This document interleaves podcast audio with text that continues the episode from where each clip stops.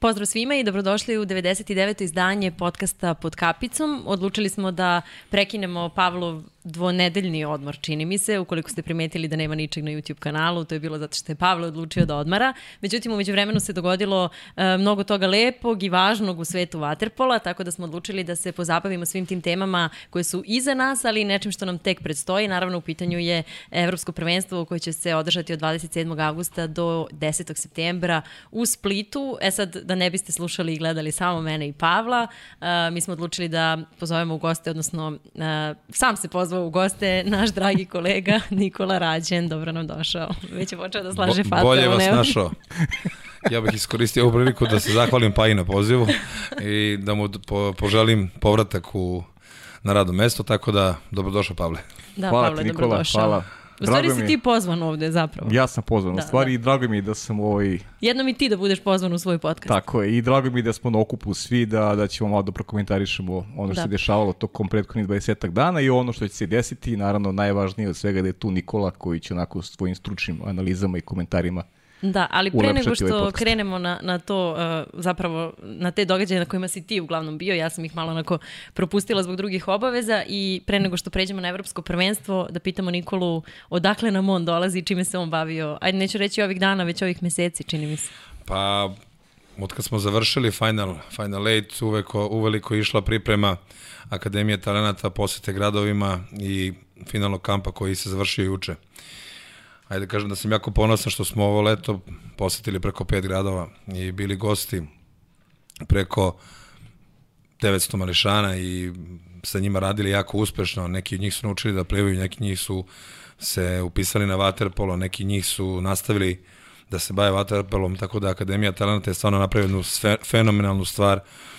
E, približila je deci vodene sportove na najbolji mogući način, na najkvalitetniji mogući način i naša misija koja je bila ovo leto je ispunjena na, na, na jedan e, veličanstven događaj koji se desio u Atini, e, u Požarevcu, u Gračanici, Banja Luci i onda ponovo Požarevcu. Jako sam ponosan na te stvari, mm, bilo je zabavno, bilo je smešno, bilo je i teško, ali opet generalni utisak je da, da smo uspeli klince da animiramo i da, da ih privučemo na bazene i da im ostane jako lepa uspomena to što su mogli da rade sa nama, da upoznaju svetske vrhunske šampione, najbolje trenere i da provedu ono 5 dana kvalitetno sa svim drugarima koji su bili u svakom, svakom gradu. Imamo dve koncepcije koje smo radili, to je školica plivanje vaterpola po gradovima, finalni kamp koji se desio, kažem, u Požarevcu je bio vaterpolo kamp internacionalnog karaktera gde su sva deca iz regiona i iz celog sveta došla i imali smo preko 50 polaznika samo na vaterpolo kampu uh, u Požarevcu. Ostalim gradovima koji su gde se radila školica plivanja vatrepola, kažem, bilo je preko 900 mališana, što je jako jedan veliki broj. Rekord je oboren u, Požarevcu ponovo, gde je bilo preko 250 mališana. Iskoristio priliku da se svima zahvalim, roditeljima, mališanima koji su bili uporni, koji su onako vredno ustajali, radili dva put dnevno i da se zahvalim svim lokalnim samoupravama koje su nas podržali i koje su gde ćemo sigurno nastaviti jednu lepu saradnju u narednim, uh, u narednim godinama i narednim sezonama. Eto, da. jedan, krat, jedan kratak, mali onako, uh, jedna mala analiza uh, mog leta i uh, Akademije talenta. Da, znači bilo je zabavno, rekao si i teško, šta je bilo najteže? Pa najteže je bilo da se ovi malci probude ujutru, posle dva dana. A ovaj, pa onda je bilo najteže da se, da se prebrodi taj strah u vodi. I onda kad su to prebrodili, onda nisi mogao da ih zaustaviš po bazenu. Što je jedna jako lepa stvar i što je generalno ono čime mi želimo da se bavimo, da je minimum da deca se osjećaju prijatno u vodi i da savladaju strah od vode i da nauče da plivaju, a da kažem neki ono maksimum ili ti neka ideja koja je već ulazi u profi sport je da bude angažovan u nekom klubu ili da pronađe sebe kroz vaterpolo ili plivanje. Da. E, na što se mi najviše sviđa u celoj priči? Taj broj dece. Znači da je, da je vaterpolo Postao onako, masovan sport. Pa da, to je, to je mnogo važno, da se, da se ta neka masovnost zadrži i da e, iz te masovnosti naravno treba dođe neki kvalitet. Naravno, aj, to su mala deca da bismo pričali sad o kvalitetu, ali, ali je masovnost jako važna i interesovanje za vaterpolo. Pa meni bi bilo jako drago da, na primjer, da iz svakog grada bude bar po jedan možda igrač da. vaterpolo igrač, klubski vaterpolo igrač. Uh -huh. Ajde ne govorimo reprezentativni, da budemo malo skromniji. Ja bih volio, na primjer, da s Kosova i Metohije bude jedan reprezentativac. Uh -huh. Na tu bazu dece to može se desiti, tako? Tako, Tako je. Ali mora da postoji baza dece. I mora da svaki od, ajde da kaže, svako od šampiona, kao što, sam, koja, kao što je moja ideja, dođe tamo i da bude na bazenu. Ili onda, onda drugačiji roditelji reaguju i drugačiji deca reaguju. Uh -huh. I mislim da je ovo jedna fenomenalna stvar koju smo mi napravili i da, da su deca došla bukvalno da vide šta se radi na bazenu, da im se to svidelo. Da, ja sam pratila malo rad Akademije ovako na društvenim mrežama i tu gde ste bili dostupni i svima nama sa ove strane. E, deluje mi da te rad sa decom dosta inspiriše. Jel uživaš? Pa uživam, iskreno da kažem, uživam. Ja sam, na primjer, ja sam radio sa najmlađima, školicu plivanja, što nije bilo teško, to su to su bile ove razne anegdote koje su dešavale po gradovima. Svako od njih je imao svoj način i razgovora, i pitanja, i potpitanja, i i stila, tako da kreativnost dece na, na, u samom gradu i na samom bazenu je bila na jednom visokom nivou. Delili smo, delili smo rad na bazenu na tri segmenta, neplivači, plivači, vaterpolisti i u svakom gradu je bila ista koncepcija, sat vremena mlađi, sat vremena stariji, dva podnevno. Mm -hmm. Koje... Možemo da se pohvalimo da smo svaki grad doneli rekvizite neophodan za rad i e, na bazenu šta im treba, to su daske za plivanje, kapice za vaterpolo i e, lopte za vaterpolo. Takođe smo bili jedan mali cirkus koji se selio iz grada u grad, pa smo imali ove, golove koji su prvi put kod nas viđeni u Srbiji, to su Malmšten golovi na sklapanje, tako da je to onako isto bilo interesantno, gde smo u svakom gradu poslednji dan imali vaterpolo utakmicu. Tako da je to bio neki kao, ajde da kažemo, završeni event ili ti završni trening za sve mališane. Da, zvuči i, i da je logistički jako veliki poduhod sve to što se radi. Pa iskreno ti kažem, jeste Aleksandar, trebalo je pripremiti sve da, ajde da kažem, da nema puno propusta i da svi budu zadovoljni. Uh mhm. -huh. Pogotovo deca i roditelji, pa onda gradska samouprava, naši sponzori, a na kraju i mi. Ali mislim da smo 90% stvari uspešno odradili. Koje je najinteresantnije pitanje koje si dobio od nekoga? Od dece? Pa dobio sam milion nekih pitanja, ali deca se uvek deca uvek pitaju kako si počeo da igraš vaterpolo i zašto si baš izabrao vaterpolo i šta jedeš ujutru kad ustaneš. Uh -huh. A šta jedeš ujutru kad ustaneš, to je mene zanima. Pa evo, dok, dok ne treniram popijem kafu, ali kad, kad počnem treniram onda imam ovaj doručak. A, rado smo odgovarali na sva pitanja Mališana i izlazili smo im u susret, to smo super radili jer smo imali ajde, rad u bazenu i onda smo imali te neke male radionice van bazena gde smo sa klincima razgovarali o svim temama i približavali im sport i kolektiv i sportski duh širili i, i sve neke stvari koje je onako njih brinu tište, koje ih interesuju, smo uspešno odgovarali na pitanja. I mislim da je to isto jedan jako bitan segment, ta socijalizacija i komunikacija sa mališanima, gde oni bukvalno otkrivaju neku novu dimenziju sporta, gde se njima taj sport približava na najbolji mogući način i aj sad da se da više sebe ne hvalim, bilo je sve okej, okay, ja mislim da će sledeći biti još bolje. A ono e, što je da. interesantno, verovatno, i gde, gde ćemo mi u par dana već imati definisane uslove, termina, rad na bazenu 25. maju, gde ćemo da postavimo školicu plivanje vaterpola, Akademije talenata i gde ćemo primati mališane pa ajde sigurno od, četvr, od, od četiri godine pa nadalje. E da, to je bilo moje pitanje zapravo sledeće, šta je, šta je plan, kakvi su izgled? Jeste, Akademija za... želi da radi preko cele godine, to će se dešavati na 25. maju, a uh, sve kampovi, sve naše akcije koje budemo radili ćemo da blagovremeno obaveštavamo i roditelje i sve naše, uh, ajde kažem, pratioce. Uh, ne želimo ovde da stanemo, mi želimo da bukvalno spajamo sport na na neki vrhunski način da otvaramo vrata sporta svugde. Bili smo u Banja Luci, napravili smo kontakti sa ljudima iz Vatrepolo kluba Vardar uh mhm. -huh.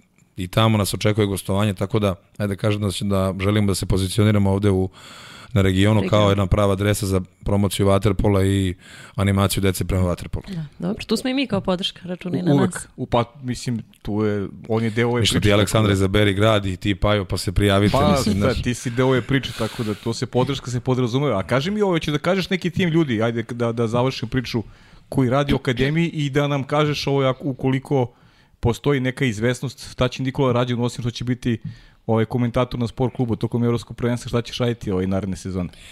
Pa naredne sezone, evo, nije. pa evo, hoćeš da me vučeš za jezike. Pa do, ne, ne, ne.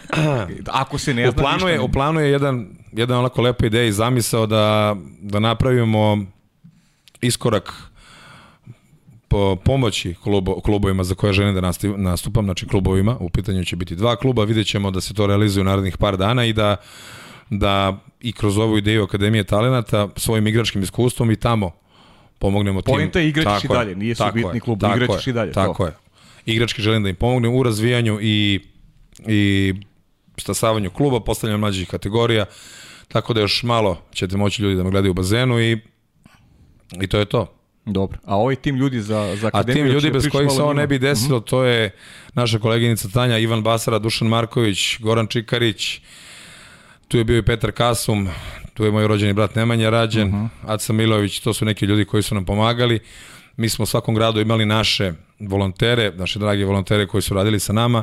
Nisto tako bih sigurno u Požarevcu najveći broj volontera, pošto je bilo preko, preko 250 dece i stvarno imali smo 11 trenera na bazenu, što je impozantno.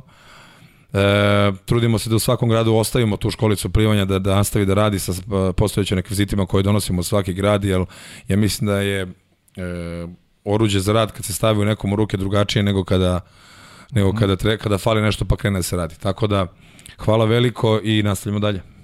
Super. Da, lepo, mi ti čestitamo na svemu što si uradio, stvarno. Dobro, a zvuči- Nemanja ovdje ili otišao da se vrati u Novi Zeland? Nemanja je ovde. Ovde, ja? Da, da. Mhm. Dobro. Ajmo dalje. Da, e, šta ćemo? Hoćemo da prođemo kroz e, turnire ovih mlađih e, Pa selekcija koje smo gledali u Beogradu, Može, odnosno koje može. ste vi više pratili u Beogradu. I ja bih krenula upravo tim finalom koje je igrala Srbija. Pavle, ti si bio tamo, Nikola, ti? Ja sam pratio sa, sa klincima gde, gde smo boravili u gradu, rado smo pratili te, te utakmice. Znam da je, pratio sam i zbog Burazera, jer je bio sa ekipom Novog Zelanda ovde i mm, zajednički smo radili pripreme na bazenu Banjice, gde su oni sparangovali sa par ekipa i, da kažem, onako malo pripremali smo tim Novog Zelanda za svetsko prvenstvo. Ili on odigrao haku, Nemanja ili nije? Još nije sjedimo licencu, još Nije dobio dobili licencu licencu za haku, da. da. Ovaj, pa meni je divno iskustvo. Meni je rad sa, ajde kažem, sa mlađim i sa vaterpolistima jedna onako posebna energija i čast i kažem, svoje bogato iskustvo želim da prenesem svakom koga to interesuje i ko želi da nauči. Donekle je to i, i naša obaveza profesionalnog vaterpolista da prenesu znanje, jel tako? Mislim da je to jako bitno i za sam sport i za održ postojanje i održavanje vaterpola. Oni su došli ljudi sa Novog Zelanda ovde da provedu bukvalno 20 dana, što kroz pripreme, što kroz svetsko prvenstvo i mislim da su jako, jako zadovoljni otišli. Što je poenta i uh, domaćinstva svetskog prvenstva i organizacija priprema sa naše strane. Pavle, tvoj utisak i turnira i finala. Pa ajde, turnir je bio super organizovan, to, to nema dileme zaista i onaj lepi ambijent. Ono što oni govore stalno, da je vaterpolo letnji sport i igralo se na otvorenom, lep ambijent, dosta ljudi dolazilo, a finale ko finale mislim da je odigrana jedna sjajna utakmica. Zaj, baš sam uživao i to sam podijelio i sa, i sa akterima i sa, i sa stručnim štabom i sa svim tim legendama sporta koji su pratili tu uživo jedno fantastično finale koje je Srbija onako krenula sa deficitom što je bila neka da kažem praksa pod znacima navoda tokom čitavog turnira da je Srbija jurila prednost rivala ali kao što je Mađarska osvojila titulu tako je mogla i Srbija. Mislim da su to dve najbolje ekipe definitivno i Mađarskoj svaka čast na titul imali su više strpljenja, znanja. Jer peterci su i znanje, nije to samo faktor sreće već i znanje.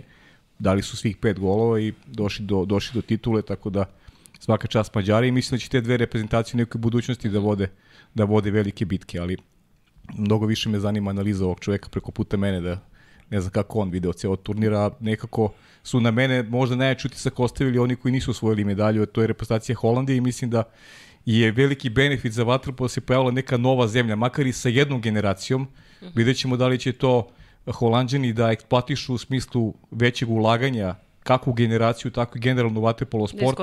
Jer oni, da. koliko ja znam, Nikola ispravi me, mislim da, da imaju dobar, dobar ekipu u konkurenciji dama. Tako da je. su tu da su tu Holandjanke jako dobre. E sad vidjet ćemo da li ta muška selekcija, ta generacija koja je Srbija prošle godine pobedila Holandiju u svetskom prvenstvu s 11-10. Dakle, to su neizvesni mečevi i stvarno Holandjani imaju čime da se da se ponose i da budu vrlo zadovoljni na završetku ovog turnira. Pa ajde počnemo, to je Holandija, evo, dao si jedan lep, lep uvod. Holandija je 2008. osvojila zlatnu medalju na olimpijskim igrama u Pekingu u ženskoj konkurenciji, uh -huh. gde niko se nije nadao, niko nije očekivao. Uh, onda su nastavili taj trend osvajanja medalja na olimpijskim igrama, mislim čak i 2012. U Londonu. Tako je. Uh, i tu je kaskao muški vaterpolo, ali on je podatak koji je siguran i on je koji je proveren da, da Holand ima najviše registrovanih vaterpolista na svetu. Je tako? Da. Oni imaju licenciranih registrovanih vaterpolista, od, znači u svim kategorijama preko 20.000 što je jedan impozantan broj, tako da su oni bazu svoju razvili odavno. I postoji uh -huh. u okviru školskog sporta se vaterpolo pod obavezno igra što je jedna jako velika prednost. Tako da ovi rezultati što su desili ovde u Beogradu, to jest ženske reprezentacije mnogo ranije, seniorske i juniorske koje se dešava u Beogradu je proizvod ili ti rezultat toga, masovnosti vaterpola u Holandiji. Meni je jako drago da se Holandija pojavila na vaterpolo mapi, u moše konkurenciji, pogotovo juniorskoj. E, trener koji ih je vodio veoma uspešno kroz ovo svetsko prvenstvo čovjek odavde, iz, iz, e, sa, sa Balkana, tačnije iz Crne Gore i već pet godina uspešno radi u Holandiji, tako da trebamo čestitati svaka čast i ja bih želeo da ne pomenem da su oni ovde došli bez dva igrača. Uh mhm. -huh. Prvo golmana, je tako, i centra, centra. čini se, da. Uh mhm, -huh. Tako da taj uspeh treba da možda i zabrine ostale reprezentacije i jer mislim da Holandija ozbiljno ozbiljno se pozicionira na vaterpolo mapi. Uh mhm. -huh. Hoćemo, što, što i nije loše. Ćemo kažem kako se zove čovjek. Da... Banja Mitrović se zove čovjek, uh mhm. -huh. još jednom veliki pozdrav za njega i nek samo tako nastavi. Uh mhm. -huh. A kako si vidio to finale, to sa Mađarskom, meni zaista onako kao, kao nekom ko, ko voli sport, ko voli vaterpolo je bilo milina gledati zaista i, i, i ne znam da li imaš neki, da li uopšte hoće pričati o tome, o nekim igračima koji su na tebe onako ostavili utisak, skrenuli pažnju, momci koji mogu da budu dobar zalog i za budućnost kada pričamo pre svega o srpskom vaterpolu. Dobro, sigurno Uroš Stevanović je vrhunski vodio ovaj, tu ekipu i treba treba mu čestitati na tome. Uroš već godinama radi odličan posao, što u Kragovicu, što kroz reprezentativne selekcije. Mislim da, da, da je postao naš jedan od ozbiljnih trenera, sigurno. Ono koga bi istakao od igrača, da se niko ne obrazi. Dobro, pokazivo je to i u klubu svom u Partizanu prošle godine ovaj Mali Kojić. MVP, neče. Tako je, da, da, Mali Kojić, tako da e, ovaj uspeh samo ne treba je možda za njega, rekao, rekao bih ovako, negativna stvar. -huh, misliš? A zbog čega? Zato što sad mora da nastavi u tom ritmu da bude još bolji. -huh. Znaš, svako svetsko prvenstvo ima svoje vrline i mane i ima svoje prednosti i minuse. E, u igra, igranje finala svetskog prvenstva nije mala stvar, pogotovo pred domaćom publikom, što se i videlo na igračima. Mala trema, izgorili su u želji, pa su kasnije stigli, pa dosta nekih čudnih situacija van bazena i, i, su, i onda zbog toga su ušli u, u finale. Ali borba i zalaganje momaka koje su to prikazali na 25. maja je bila izvanredna. Yes. Izvanredna. Ostaje žal za tim što se nije osvojilo zlato, što su naši ljudi navikli na zlato, ali bože moj, ovo je jedan iskorak za svu, za svu tu generaciju i uh, mislim da bi trebali da nastave da u tom trendu i da bude još bolji. Rekao si mi da izdvojim, izdvojio sam Kojića, E, mislim da ne treba da se brinemo za budućnost uh mhm. -huh. Waterpola, iako tokom, ove, tokom ovog leta su bili neki onako nezadovoljni i negativni komentari vezani za i za reprezentaciju i gde se to više puta i ponavljalo šta ne valja i sam selektor Dejan Savić je govorio i javno rekao koje su rešenja za, i planovi za nastavak uh, pripreme reprezentacije gde ih kroz par dana očekuje Evropsko prvenstvo u Splitu. Ja mislim samo da mi moramo da imamo strpljenje i da moramo da, da pružimo veliku podršku tim mladićima, jer oni tek treba da naprave atmosferu i oni tek treba da naprave ono što će da ih činim e, jedinstvenim. Uh -huh.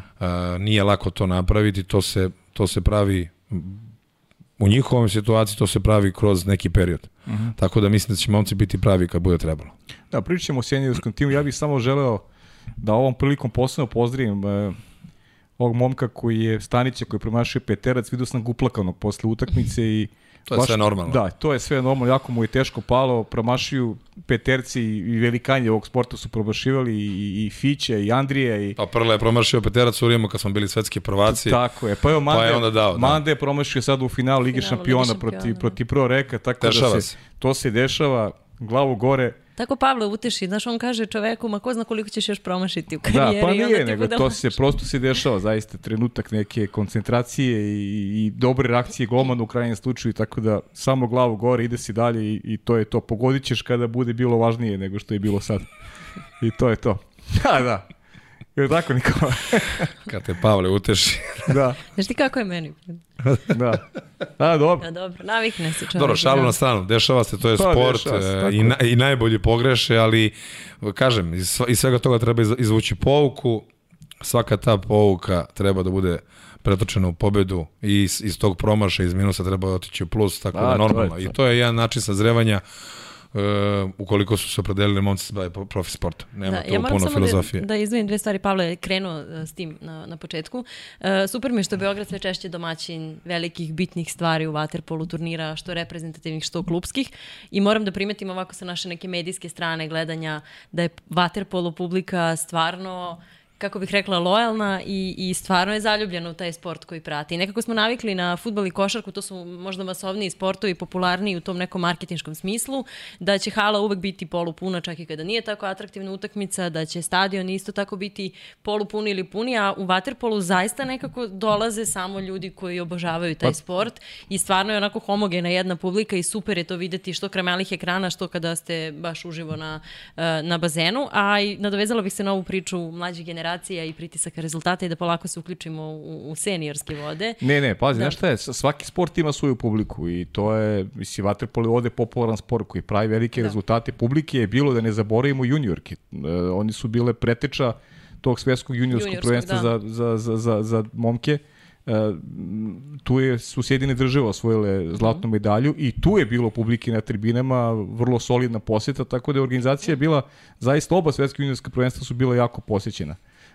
Naravno, kvalitet, mi smo počeli da pričamo o momcima koji su se borili za zlatnu medalju, ono što su i, i, i naše gošće tokom mojih podcasta pričale o, o svim problemima koji prati e, ženski vaterpol, ja se nadam da, da, da će to da bude na nekom višem nivou i da ćemo pričati o nekim mlađim generacijama, o konkurenciji dama koji će biti uspešniji rezultatski. Ali i ovaj turnir je negde e, jako važan tim devojčicama da, da negde steknu iskustvo, da se odmare protiv svojih vršnjakinja i zbog toga je veliki benefit e, što je Srbija bila domaćin i, i, i, za, i za devojčice koje su eto imale priliku da vide gde se nalaze i da e, uz neki bolji rad sutra dođu do nivoa e, koji će biti zadovoljavajući i koji će biti u stvari bolji nego što, nego što je to trenutno. Ali moraju da se poklope mnogo, mnogo drugih, neki drugi faktori kako bi stanje u ženskom vaterpolu bilo uh, bolje nego, nego što je trenutno. Da, pa evo seniorki isto sada putuju na evropsko prvenstvo, probat ćemo Tako da je. ispratimo i njih i njihove rezultate, da, da nekako probamo da, da eto, privučemo te neke nove klinke da, da se bave uh, plivačkim sportovima, ne samo vaterpolom. Uh, ima li mesta za devojčice u tvojoj akademiji? Ajde kad sam već kod toga. Pa mi smo primali svu decu od 5 do 18 godina i najviše smo, na primjer, imali neplivača o devojčica, uh -huh. što je jako uh -huh. interesantno. Da. I mislim da, da sport treba da bude dostupan svima. Kad pričamo o vodenim sportovima takođe. E, zašto, bi, zašto bi bilo više de, dečaka ili devojčica? Nek bude i jedne, i jedne i drugih. To je ideja. -huh. To je ideja. Gde ja mislim da kad govorimo o bazi dece da je to baza i za devojčice za dečake. Ono što se ti govori za svetsko prvenstvo ovde u Beogradu u ženskoj konkurenciji. Ok, mi jesmo imali tešku grupu, e, pa su onda kasnije devojke onako se trudile da što bolje plasman zauzmu. E, ali organizacija samih, samih događaja sportskih u Beogradu mislim da je jako dobra stvar. Trend organizacije svih završnica, ajde da kažem, veliki takmičenja u Beogradu nam jako dobro ide i popularizuje što sport, što grad, što zemlju. Yes. E, u finalu smo imali dosta gostiju iz Grčke, Mađarske, sa raznih krajeva, sve su dolazili roditelji da podržavaju ajde kažem, svoju ekipu ili ti svoju decu. To se videlo i na muškom turniru konkurenciji gde su došli stvarno veliki broj iz inostranstva da, da budu gosti u Beogradu i u Srbiji i da podržavaju e, ajde kažem, svoju decu na 25. maju gde je bila stvarno organizacija na jednom zavidnom nivou. Ja mislim da takvih stvari treba Beogradu i da Beograd je sposoban da, da ima takve stvari, pogotovo sa celom ponudom i sa razvijanjem i trendom koji je dosta popularan u poslednje vreme. Meni je, meni je to drago, što je finale bilo prepuno, što što je bila prava finalna utakmica i što je ta utakmica otešla u, u peterce, aj sad gledat ću malo sa strane onako za, za publiku, je li bilo dosta uzbudljivo? Uh -huh. Što fali Srbiji. A ono što smo pričali zašto svako ima svoju publiku, pa vatrepolo letnji sport. Svi, svi žele da sednu pored otvorenog bazena i da gledaju predstavu. Jeste. I to je definitivno. Da, jeste, i stvarno je uživo nešto posebno Jest. u odnosu na druge sportove. Jest. Zaista deluje impozantno. Tako da ja i pa se- više ne treba da prenosimo. Da. Ne, ne, ne, Treba samo uživo vi da radimo. Treba da radimo uživo. Ja, ali super se, ovo, ovo mu je super vežba za, za evropsko prvenstvo. Pa jeste, ali sad, je, znaš, to smo pričali x puta i znaš da Google prepoznaje Srbiju po vaterpolu. Znam. I to je, to je stara priča i to je kad nije isto kad dobiješ domaćinstvo sporta po kome si prepoznatljiv. I to je ono što je rekao. Ja sam vidio u gradu, vidio sam i na, na mestima gde, gde negde ja ovaj, provodim vreme da, da dosta, dosta ima ljudi gosti iz inostranstva upravo zbog tih svetskih prvenstva u Vatepolu. Su mnogi roditelji došli vide svoju decu, ali su isto tako inspirisani samim, samom činjenicom da, da, je, da je Srbija veliko ime kada priča o Vatepolu i najveće u posljednje dekade. Dva olimpijska zlata su u tome svedok i svem ostalom. Pritom imali su priliku da vide uživo oproštaj Uh, gledao sam kako su reagovali recimo italijanski igrači na oproštaj ovih šestorice. Da. Niko se nije pomerao sa mesta, ostali su do kraja, ta utakmica je bila završena i ranije, ali su ostali svi na svojim mestima da isprate, da isprate prave lege do ovog sporta. I to je nešto što, što je zaista veliki, veliki benefit uh, kad imaš ovaj kad imaš jedan takav takav proizvod po znacima navoda kao što je kao što je vaterpolo i treba da koristiš taj brend koji imaš. A srpski vaterpolo je stvarno ozbiljan brend. I znam koliko je Nikola negde i, i upućen kada govorimo o toj ženskoj konkurenciji. Ja bih volio da, da, da i devojke ovako dobiju, dobiju veću pažnju i da, i da ne mora to da bude bitka za medalje, nego da bude sport masovniji i da, da iz te neke masovnosti e, se, se onako konkurencija bude, bude onako uh, ujednačena i da, i da devojke mogu da napreduju uh, u tom nekom sportskom smislu. A sad za koje je to domete, mislim da je to da je to manje važno. Da ostanu u sportu, prosto budu što duže prisutni u sportu. Pa jako je bitno da se napravi cela cela platforma nekih igrača, dece, klubova i tako dalje. Realno. Mi u ženskom vaterpolu koliko ima? 8 klubova. 8 klubova, da. Što to ne bi bilo možda 16 za mlađe kategorije? što svaki grad ne bi imao žensku selekciju, školu isplivanja i tako da. E, sad treba mi, ohrabrivati i trenere da, da, i celu da, sad mi ulazimo malo u problematiku, ali da. mislim da načina postoji, volje postoji, samo treba izabrati prave ljude koji će da, time da se bavi i delegirati ih. I to je to. Ništa više. Samo treba da se rasprostrani vaterpolo kroz Srbiji. Ne treba da se centralizuje treba da se rasprostrani. Da. Ja isto mislim ovo što Pavle misli da uh, uglavnom to kod nas, naročito roditelji koji treba da se opredele za, za neki sport. Gdje će Znam, ali tu je animacija. Ko, ka, da. Kako da se animiraju Tako roditelji? Ko, ne, ko animira roditelje da, da bi se on odlučio da povede dete na, na vaterpolo, ne, na, ne na balet? mislim da to ne mora uh -huh. da mhm. zavisi od rezultata reprezentacije ili klubova. Mislim da, da ne mora usko da bude vezano za to. Istina je da kada košarkaška ženska reprezentacija osvoji medalju na velikom takmičenju, veliki broj devojčica se opredeli za košarku, ali mislim da zaista ne mora da bude usko vezano za to, tako da taj pritisak rezultata opet nije argument i opravdanje zašto nešto ne, ne bi moglo da se rasprostrane. Slažem se, ali ne, na primjer, možemo da napravimo paralelu. Meni čerkice igraju odbojku Uh -huh. I neverovatno koliko je to organizovano u njihovom uzrastu. To su to je uzrast 11, 12, 13 godina. Oni imaju utakmice svake nedelje, treninge pet puta nedeljno. Bravo. Što je jako bitno u tom da, da uzrastu igra, igrati utakmice. Jeste, jeste. A tako je. To je animacija igrati da, utakmice, da, da on utakmice. zna da igra jest, utakmicu, da se on jest. sprema za utakmicu. Da se takmiči, da. Jeste. I to ima neki svoj put. Nažalost, uh, ranije je postao, postao u Beogradu Beoval. I to su bili svaki vikend utakmice na bazenima po Beogradu. Uh -huh. Milion dece je bilo. Sada to više nema. Uh mhm. -huh. Mislim, sad mi ulazimo u kategoričke neke stvari, ali nema veze. Nema veze, pa dobro, pričamo prosto. Da, da, ali mislim, mislim da je to jako bitno krenuti od, od nule. Uh -huh. Uh -huh. Od bukvalno od platforme, od baze dece da ih ima, da ih ima, da ih ima. Mislim, Holandija je to uradila, registruje školski, kroz školu registruje vaterpoliste. Uh -huh. I onda ispadne neki juniorski reprezentativac. Da. Mislim, a mi, hvala Bogu, imamo i potencijala i znanja i trenera i, i igrača i bivših igrača koji realno mogu da budu ti, ajde da kažem, nosioci svih tih nekih ideja ili projekata. Je li mhm. tako? Naravno. Samo koliko ih je prošlo kroz ovaj podcast, pa nek bude pola, da. nek da. poseti, opet je super. Da. Elem, Idemo dalje.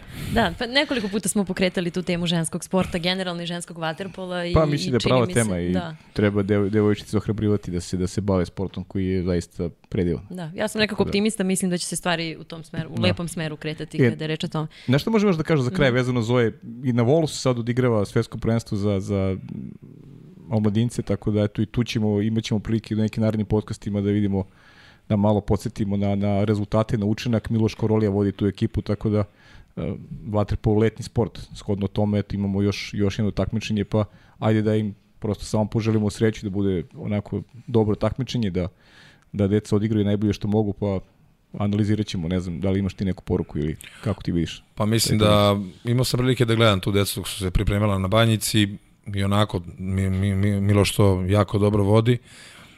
ajde kažem, trebalo nam možda jedno zlato ovo leto da nas onako malo uteši, uh -huh. kao vaterpolo navijače, a šalu na stranu, mislim da, da momci imaju levu perspektivu i da su dobra generacija, tako da želim Milošu i momcima svu sreću, tako da čekamo sa zlatom ovde.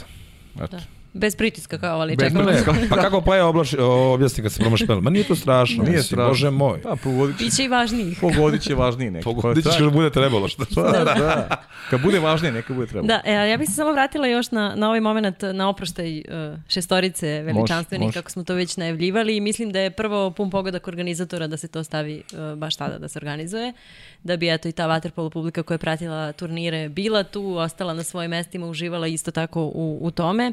E sad, da nekako ajde kroz njih uvedemo priču i ovo evropsko prvenstvo i sve ono što seniore čeka, odnosno to treće veliko takmičenje ovog leta. E, kako, vam je, kako ti je bilo na oproštaj?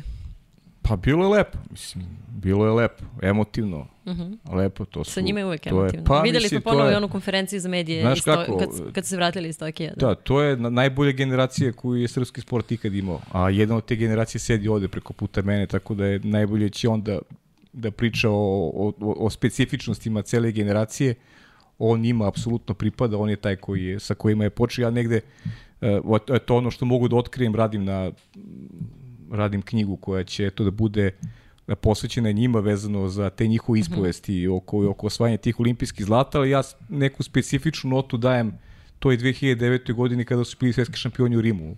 Nikola je bio deo, deo te ekipe kada su otišli bukvalno ispraćeni bez nikak, ikakvih očekivanja, sami na aerodromu, niko nije očekivao ništa, oni su se vratili sa zlatom, možda i naj, možda i, i, i e, iz mog ugla najkvalitetniji turnir koji sam gledao u, u smislu šta je ekipa prošla do osvajanja zlata, koje rivali imala na putu do osvajanja zlata. Mislim I da na nikada- koji način smo prošli. na koji način su sa igračem manje, Stefan koji se razbolao, nije ni bio u rotaciji od prve utakmice uh, i tako dalje i tako dalje, tako da stvarno emotivno posjećanje uopšte na to kako su oni stasavali i kroz koje su faze sve prolazili da bi došli do toga da budu i dvostruki olimpijski šampioni i, i ostajali usput bez Vanje, ostajali usput bez Nikole, e, pa su i tu uspevali da nađu neki neki kvalitet dodatni da da da da dođu do onih najboljih mogućih rezultata tako da jedna generalno vrlo jedna emotivna priča, sjajna priča i za mene su oni najbolja generacija u istoriji srpskog sporta i shodno tome su zaslužili jedan jedan oproštaj, jedan oproštaj koji je koji zaista bio onako bio bio super eto prosto. Da. Prvo, si primetio iskoristio na početku priliku da kaže zašto nije radio dve nedelje, a to je zato što piše knjigu. A rekao je neće pričati o tome. Pa znači, dobro, prvo to mislim, da, za, ja zapazimo. To, nije da... to neka tajna. Dobro, posle, em, da. posle emo, emo, emocije nastavio na knjigu pa na oproštaj. Pa, tako da, da, da, povezuje da, to. Da, povezuje Kao špansku seriju. A Da. drugo, da se vratimo na- ove bitnije, odnosno tvoje utiske, jesi li ti uopšte svestan uspeha te tvoje generacije i svega ovoga o čemu je Pa mislim da pričao? se mi onako povremeno vratimo te uspehe i onda, i onda nas to opali koliko je to veliko. Mm Mhm. -hmm. Evo iskreno ti kažem. Niko od nas nije bio svestan da smo mi 2009. se popeli na krov sveta. Mi se jesmo radovali tri dana, pet dana, ali nismo imali pojma šta smo napravili. Mm Mhm. -hmm. I šta smo učinili. I na koji način smo to uradili.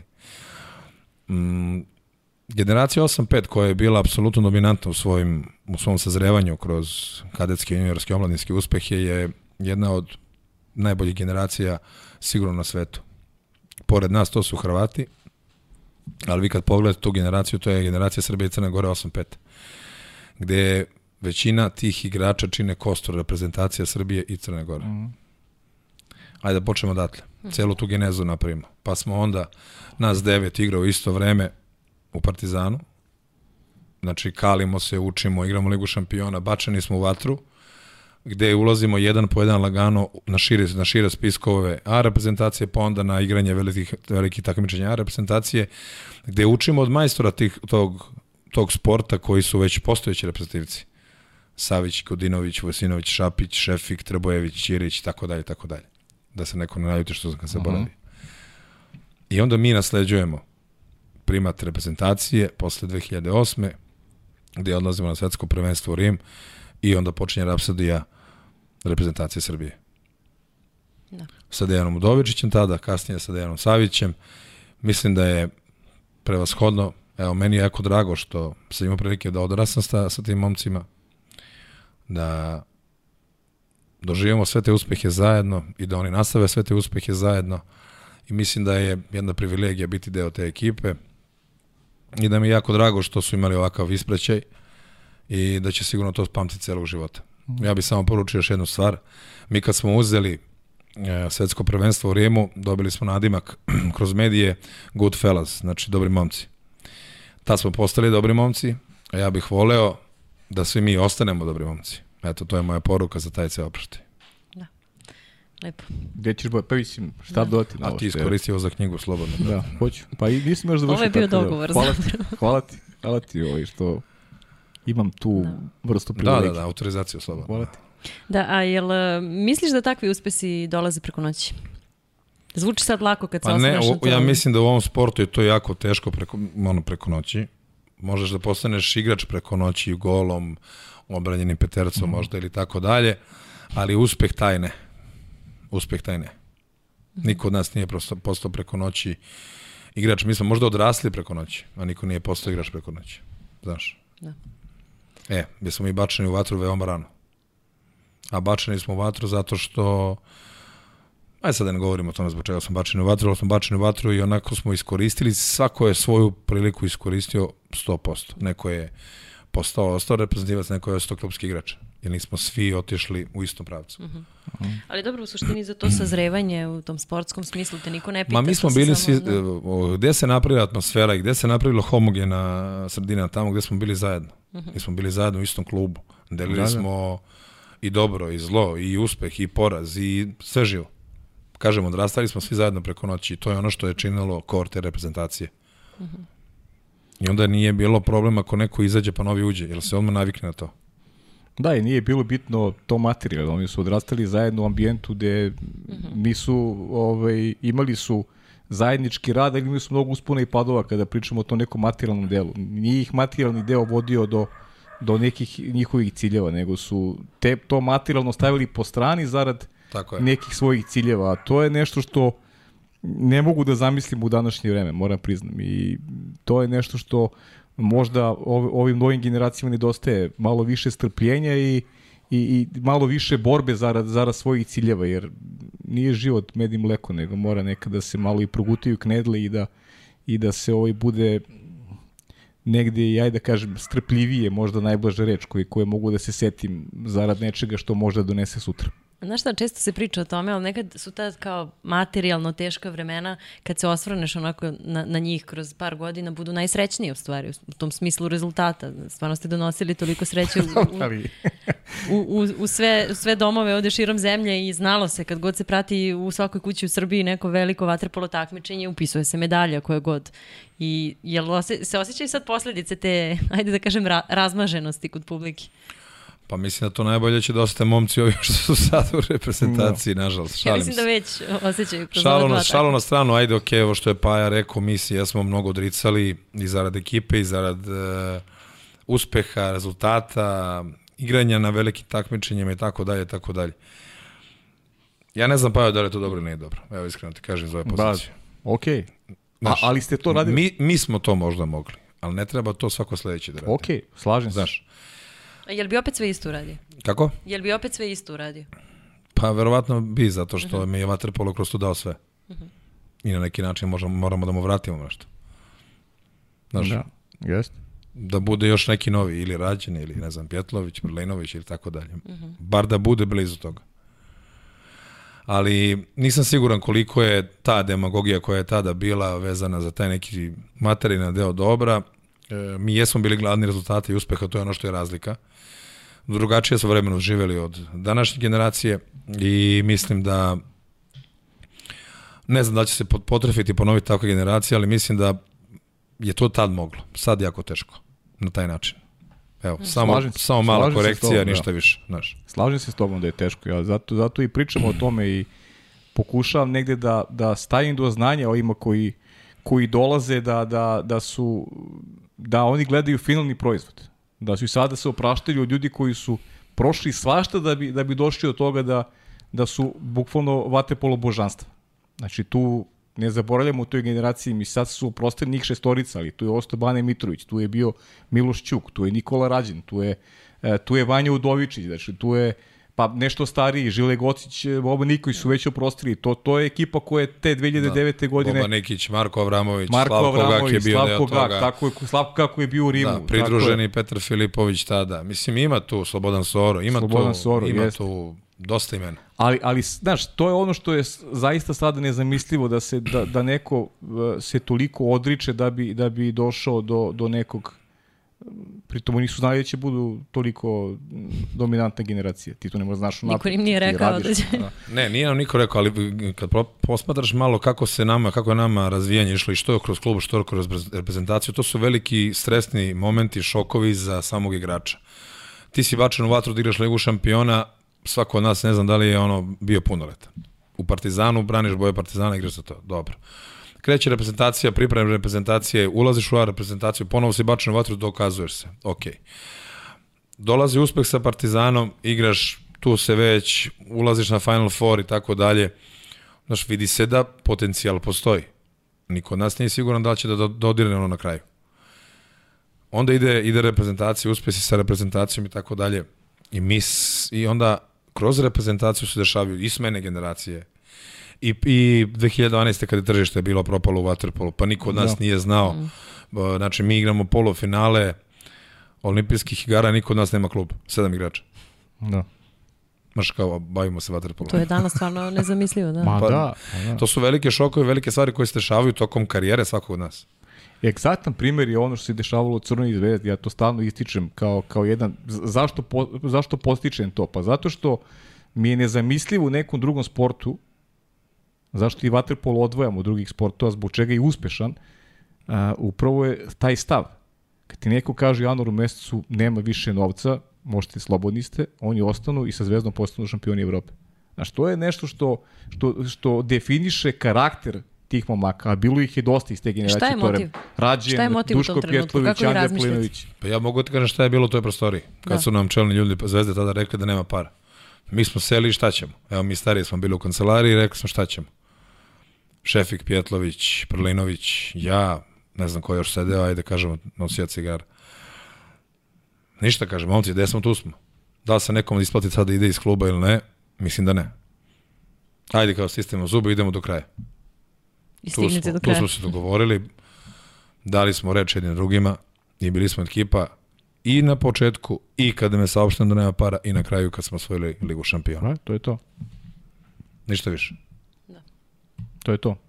E sad to, znaš, preneseš u neko današnje vreme je zaista, ali ne, mislim, ne, ne zato što ja sad nešto, ovo današnje vreme mi je loše, kao, znaš, nego prosto su se okolnosti promenile, znaš, deca su drugačije je vreme. drugačije, drugačije, znaš, deca su naučena na nešto sasvim drugo, znaš, nisu spremna da se, da se mnogo odriču zarad, zarad nekih ciljeva, znaš, to je nešto što je objektivan problem i ovaj problem ili benefit šta god iz mog ugla je problem znaš jer jer moraš malo nešto da strpiš da bi da bi da bi Da, ovaj pitanje je imaju, imaju li tako jasno izgrađene ciljeve. E pa, to je isto, e pa, to je, da, to je Da znali široka, široka baza, ali ajde, dostavimo Znam, to za Aleksandar, drugu veruj mi da mi kao klinci nismo imali neke izgrađene Da, ciljeve. Mi smo živeli za utakmicu, za trening, za drugarstvo, za prijateljstvo, za putovanje, da nam bude super.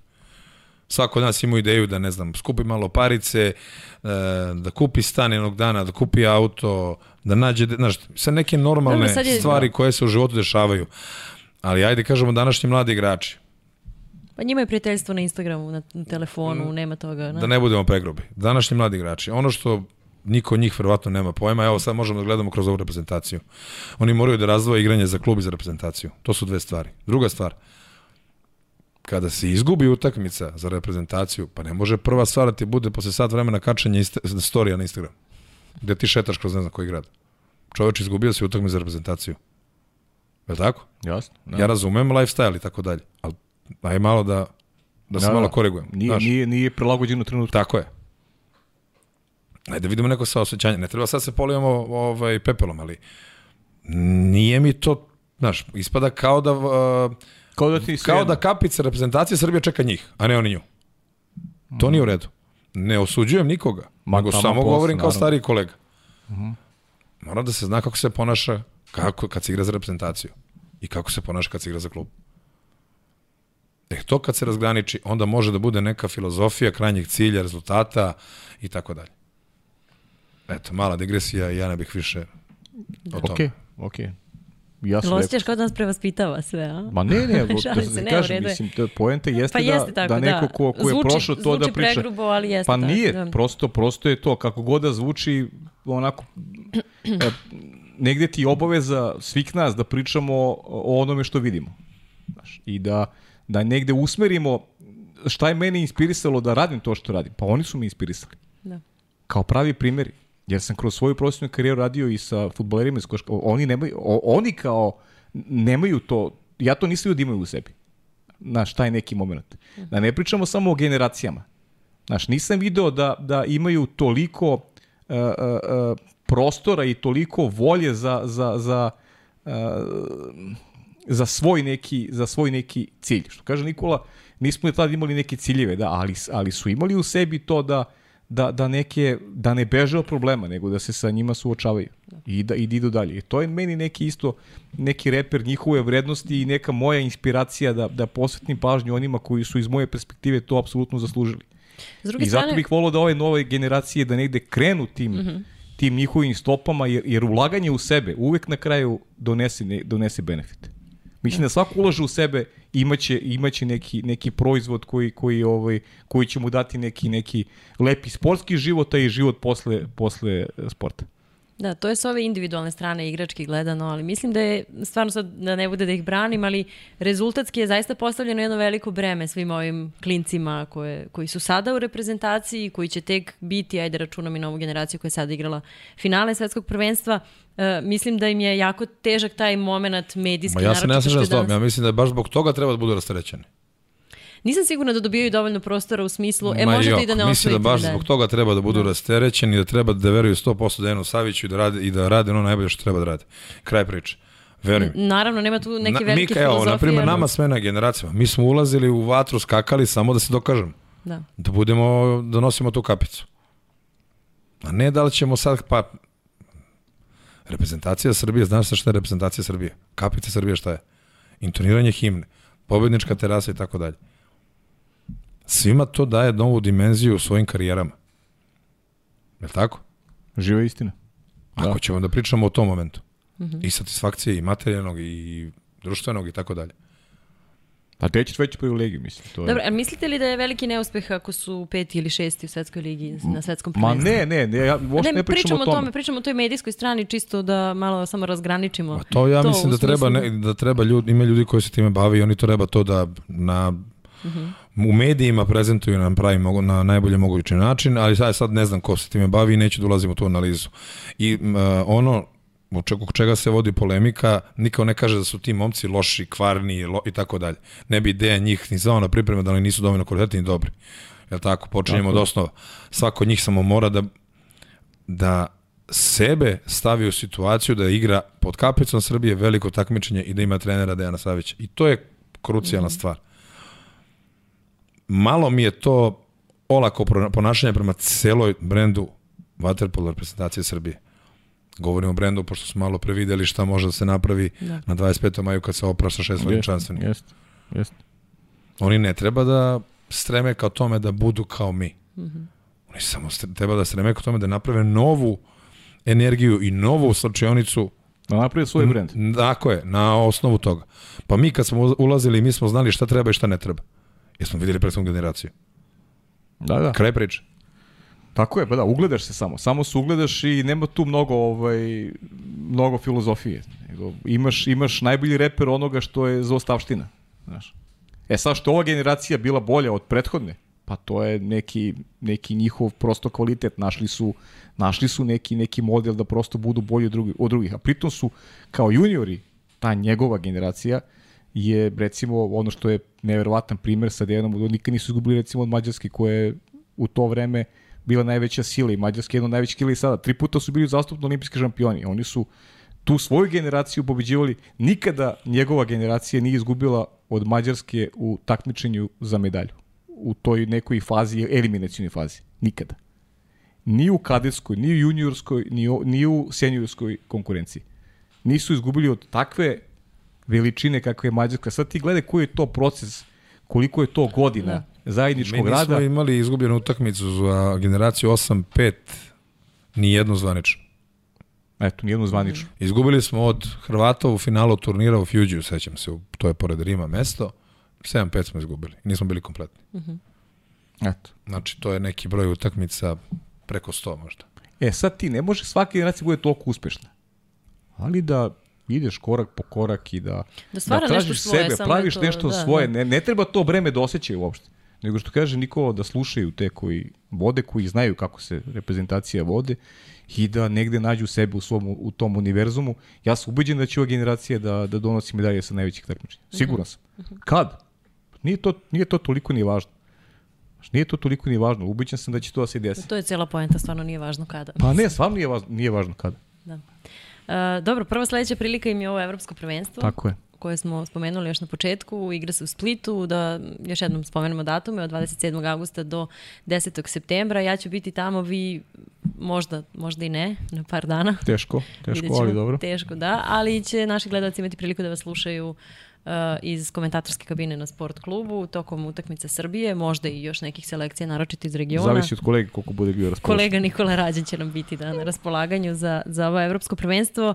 E, pa hajde da krenemo tom grupom onda u kojoj je Srbija, pa ćemo polako da, da pređemo Ajde, i na ja, ostalo. ja bi prepustio ovaj kolegi ovaj reč. Da, malo pre smo u ovom neformalnom delu razgovora, pre nego što smo krenuli, ušli u snimanje, e, pričali o tome kad igra Srbija. Dakle, 29. avgust je prva utakmica Srbija-Izrael, e, 31. je Srbija-Mađarska i grupna faza, kraj grupne faze je Srbija-Slovenija 2. septembra. Ali ja bih od čega ja prvo Hoćemo- počeo.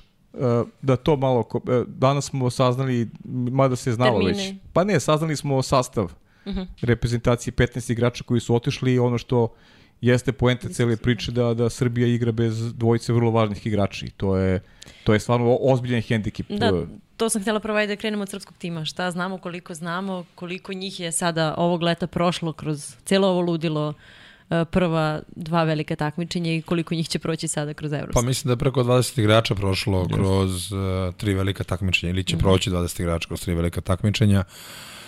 I veliki hendikep je to što ne igraju Jakšić i Mandić. E, moramo- Jakšić i Lazić. La, a Lazić? Lazić. Da, ma, man, Mandić Ipak. ide.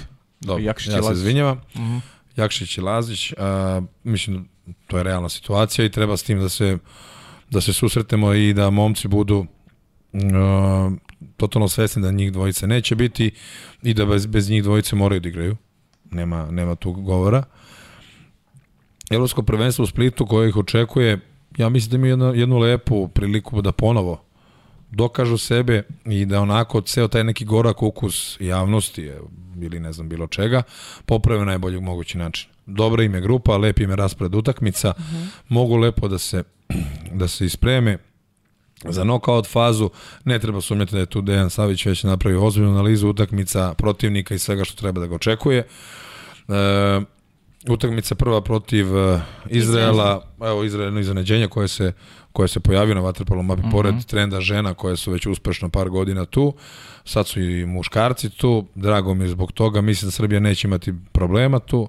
Druga utakmica sa Mađarima je da se vidi ko će biti prvi u grupi, da se već onako izađe na Megdan sa, sa Mađarima, dobro, dobri poznati stari derbi sa Mađarima, mislim, ja očekujem pobedu, iskreno da vam kažem, mm -hmm. pa vidjet ćemo kako, kako će se desiti u Splitu. Dragi gledalci će moći da slušaju komentare mene i kolege.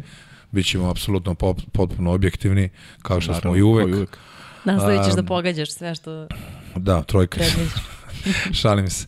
E, treća utakmica protiv Slovenaca. Imao sam prilike da razgovaram sa selektorima Slovenije ispod 16 godina koji su koji su bili na pripremu u Banja Luci i onako smo malo razgovarali o toj grupi sa Srbijom i oni kažu, uh, za nas je to super grupa. I onda ne moramo da objašnjamo što smo izgubili od svih. tako da, po, tako da, ovo, eto, mala šala, tako da mislim da A super što su tu, eto, lepo i Slovenija. Da. Da. Ne sjećam se kad su Pa bili. oni nisu dugo vremena sa nijednom, ajde kažem, tom mlađom reprezentacijom izašli na, na evropsku ili na svetsku scenu. Uh -huh. Tako da, evo, pokreću se neke stvari, oni Slovenci su upali umesto Rusa u našu grupu, kako se ja Da, da, sećam. jeste. Ali njima je super ta grupa da su sa Srbijom, sa Mađarskom i da odmere snage, eto da se pokidaju protiv Izraela, pa će da vidi šta će da bude. Uh -huh. e, nekada detaljnija analiza ostali grupa, mislim da su Pa imamo Crna Gora je sa Italijom, Gruzijom i Slovačkom u grupi. To je grupa A. To, to, je, ćemo to redom. će, sa, sa njima će Srbija da se ukršta, verovatno, sa, sa Italijom i sa Crnogorom, tako da bilo koja faza takmičenja, tu su negde na, na putu do polufinala eventualnog će biti Italija i, i, i, i Crna Gora. Da. Pa veliki broj utakmica smo odigrali ovog leta i sa Italijom i sa Crnogorom. Što trening Mhm. utakmica, što zvaničnih utakmica. Evo, znate i sami. Mislim da tu nekih velikih nepoznanica nema, samo u odnosu na sastav koji će da bude u bazenu, treba da se uh, napravi scenariju igranja. Ja bih volio da momci uđu u borbu za medalju i da, da kažem, poprave taj neki gorak okus koji je stvoren u javnosti i da se vrate sa medaljom kuće, jer će to njima da znači i za njihovu karijeru i za reprezentaciju Srbije i za jedan zalog za budućnost i za celo bitisanje u reprezentaciji Srbije. E, očekujem medalju, želim im puno sreće, da ih povrede zaobiđu i da budu pravi kad je to najteže, ništa više. Eto. Da, i ono da kažem, eto da su recimo i roviti su bili i Đorđe Vučinić i Duša Mandić i tu je bila neizvestnost oko i, i njihovog odlaska na, uh -huh. na evropsko prvenstvo, tako da objektivno Dejan Savić se suočavao sa dosta problema u ovom pripremnom periodu. Biće tu debitanata. Naš dragi kolega Dejan Stevović je obelodanio, evo imamo na, na spisku samo trojicu igrača koji su, koji su bili na, na, na igrama u, u, u Tokiju. Dakle, samo, samo trojicu olimpijskih, tri olimpijska zlata ima, od, eto, od 12 igrača imaš, 13 imaš samo trojicu. Što je, pokazate da je Srbija najviše menjala u odnosu na Tokio. E sad to, ne pričamo da bi to sad kreiralo neko opravdanje za, za eventualni neuspeh i pitanje šta se podrazumeva pod to, tom reču neuspeh, jer ti kad dođeš u četvrfinale i igraš sa aktualnim vice šampionom sveta Italijom recimo i, i tu utakmicu recimo na jednu loptu izgubiš, ja ne znam kako se to karakteriše, da li neuspeh ili, ili ne znam, to ti možeš bolje da, da pričaš o tome, ali ali će, zaista će to, to četvrfinale neko potencijalno će biti možda i najvažnija utakmica na turniru. I to je ono što je recimo i tvoju generaciju pratio, ja sam pravim paralelu recimo sa onom uh, 2000 kad je Deki do 2014. recimo. Dobro. Oni mečevi sa Španijom i Crnogorom koji su bili koji su bili neizvesni. Jeste. Šta bi bilo da niste vezali da ste vezali dva takmičenja bez osvojene medalje, a koliko su neizvesni utak... Svi ljudi pamte onu pobedu protiv Mađarske, on, on, on finalni proizvod. Onih pet razlike... Mislim da više pamte protiv Crne Gore, kad smo gubili pa smo se vratili. Pa, a da, a, Ili me veš ono, Mađari su mi bili kao, ok, sad ćemo da vidjeti. Pa da, a, a, ali, ali kaži mi običan svet koji, koji seća, se, seća se tog finala. A ljudi koji prate Vatepolo se sećaju i, i meča sa Španijom u grupi i, i, to, i te Crne Gore koje je bila jedna klackalica. Da. Si izgubio Crne Gore, ti si završio takmičenje. Jeste. Jeste, de facto. Znaš, tako da to četiri finale će biti možda i test.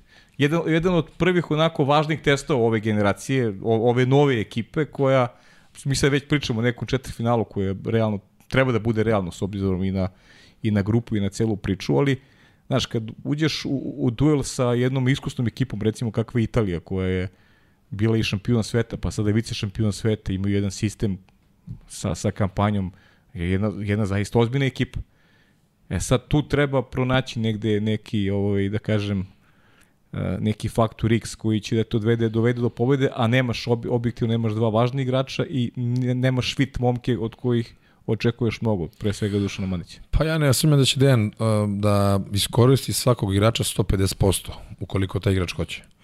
To je prva stvar. Znači ako već pričamo analizu utakmice i knockout fazi, knockout faza je, znači nema greške. Nema prava, nemaš prava na grešku. Ok, možda pogrešiš pa da, da kasnije tu grešku ispraviš, a, a ekipno i tako dalje, ali generalno nemaš prava na grešku. Uh, upotreba svakog igrača je jako bitna u toj utakmici, uh -huh. pogotovo sa italijanima. Zna se da, da je to iscrpljujuća utakmica, psihološki teška, priprema za utakmicu sama teška protiv Italije uvek bila. Sa faktorima u bazenu, sa faktorima van bazena, ali tada će oni moći da definišu svoju ekipu i atmosferu, ukoliko budu mogli. Uh -huh. Ne sunjam da će strategija i ideja biti na vrhunskom nivou, ali mislim da je to prava utakmica da oni sazru možda kao ekipa. Ono što smo pričali, što pričali da. da. -huh. Eto, da to bude njihovo veče. Uh -huh. Da. Uh, mene zanima koliko može domaćin Hrvatska. Eto, s njima smo igrali u četvrfinalu svetskog prvenstva ovog leta.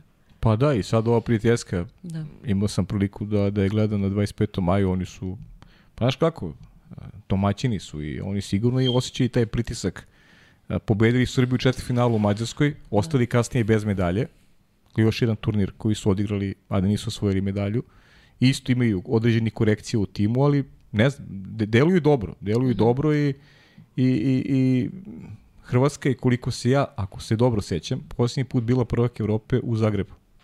Tako je. U Zagrebu. Sada Tako su domaćini, igraju u Splitu. Naravno da oni sigurno i javnost tamošnja i, i, i igrači i stručni štab sigurno da očekuju, da očekuju zlatnu medalju. Tako da će to biti neki dodatni teret na, na, na njihovim plećima, a imaju igrače koji znaju kako se osvoje, ali ima i ovih drugi koji su do, dobili onako šansu relativno skoro, prvi put, neki čak i onaki malo, malo možda poznijim igračkim godinama, ali, ali jedna dobra ekipa, to, to nema dileme. Hrvatska je dobra ekipa i I ovaj, ne znam, Nikola, baš me zanima njegova analiza generalno, koga vidi kao najvećih favorita, ali Hrvatska je iz mog ugla sigurno u tom, u tom užem, užem krugu favorita za, za osvajanje evropskog zlata. Aš sigurno da, igraju kući pred svojom domaćom publikom, to će im biti njihov igrač više. pa oni celu kampanju kad su pravili za za evropsko prvenstvo u Splitu, pravili su sa paralelom iz Zagreba s tim zlatom, da. tako da uh -huh. vidi se i koje je njihova ideja i kako žele da nastupe.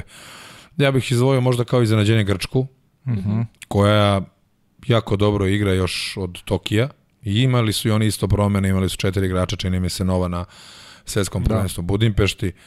Mislim da Grčka nije za podcenjivanje. I... Igraju sa njima u grupi, da. Da, da, uh. i mislim da će to biti jedan interesantan meč. Ok, grupna faza i knockout faza su dve stvari, ali evo ja bih onako blag, blagu prednost nekog favorita, pored e, sigurno Španije, Italije, Srbije stavio i Grke tu na to uh -huh. mesto. Pa da, ja, to je... da spomenemo samo znači u toj grupi Grčka, Malta, Francuska i Hrvatska. Da, Francuska koja je izgubila sad u ovom turniru sve utakmice prilično ubedljivo. Mm -hmm. Oni se pripremaju za, za olimpijske igre pre svega, gde su domaćini, mislim, ok, pripremaju se, ali mislim tu će sigurno ovaj pokušati da budu što bolji. Vjeko Kobešća koji je sada deo stručnog štaba i ono što je meni iznadilo tvoj onako saborac nekadašnji Igor Kovačević koji je recimo podijelio sa onom podatak, što si rekao za Holandžane, on je recimo uh, ima podatak da, da Francuski ima najveći broj registrovanih igrača i oni imaju četiri lige imaju četiri lige gde se takmiče. Da, da, jasno. Tako da Francuzi, ok, velika zemlja, nije spod, ne mogu se uh, porede, porede Francuska i Holandija, naravno, kada pričamo o, o, o površini zemlje i broju stanovništva. Tako da Francuzi negde, sudeći po klubovima, imaju neki, ovaj, neki pomak. Generalno je sad kao reprezentacija u ovom momentu sigurno nisu, nisu zemlja koja može ovaj, da napravi nešto, ali ja taj sistem generalno kolektivnog sporta u Francusku jako poštojem i I negde, ne znam zbog čega, mislim da će Francuska u neko dogodno vreme da, da, da ima neku, ajde da kažem, malo zapaženiju ulogu na, na svetskom nivou kada pričamo o represivnom vaterpolu, jer, jer sećam se kad si palio rukometu. Znaš, bila je priča ko su ovi Francuzi. Evo sad su oni dominantna sila. Na, na prethodnim olimpijskim igrama oni su u svim kolektivnim sportima osvojili neku medalju. medalju. Da, da. U svim kolektivnim sportima. Čak i odbojci su beše. Odbojci su, da, da, da. odbojci su olimpijski šampioni. Da, da. Francuski olimpijski šampion u odbojci. Olimpijski šampioni su u rukometu, što, ok, nije iznenađenje u rukometu. Ženskom konkurenciji su dobri. U košaci su uzeli medalju. Dakle, stvarno su, ne, neverovatno su u kolektivnim skoro sportima. Skoro kao mi u Riju, da. Pa, sko, da, skoro kao mi u Riju, da. Ali su, taj sistem koji imaju je, je, je fantastičan i, i vidjet ćemo da li će se, da li će ovaj, Waterpolo sumnje da, da mogu budu veliko uspešni, ali da, da će biti bolji u to, nemam dilemu uopšte. Pa vidite, oni imaju sada i pet stranaca dozvolja u njihovoj ligi, jedna jaka liga koja je onako napravila mali, ma, male potrese da, na tržištu Waterpola, jer su oni prvi krenuli da kupuju kad se mm -hmm. završila sezona i svi su gledali da idu u tu Francusku. Uh, otvorile su novih par klubova, uh, novih trenera je otišlo tamo, tako da imaju jasno, jasan cilj da imaju što bolji performans na tim olim, na olimpijskim mm -hmm. igrama u Parizu. Šta se dešava sa reprezentacijom, nemam, ne znam. Znam da je tamo Vjeko Bešćak i da radi vrhunski posao, sad vidjet ćemo kada će da proradi neke stvari ili ne sumnja da će da prorade. Uh -huh. Ali liga kao liga i uh, raspored lige i organizacija je jedna na vrhunskom nivou i evo, to možemo da vidimo da Prlinović je ostao tamo još godinu dana i yes. da na vrhunskom nivou, pa to smo i pričali čak u podcastu posle yes, final, yes, final, final eight. Tako da. je. Uh mhm. -huh. Tako, vidi se, vidi se i ideja i sistem i na koji način hoće da se bave klubom i organizacijom oko kluba, tako da svaka čast. Ja što me zanima, šta misliš recimo za, za, za Španiju?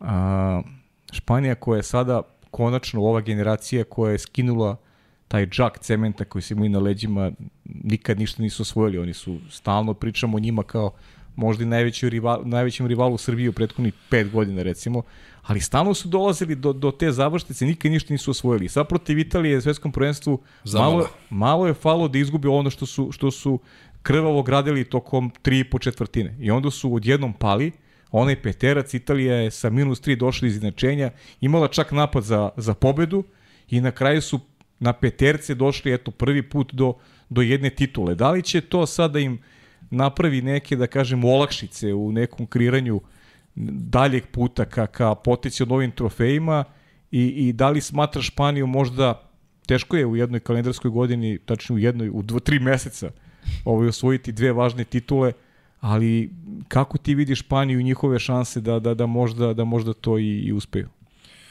Pa, svetski šampion, mislim da će im biti jako teško održati kvalitet igara na toliko visokom nivou na tri turnira.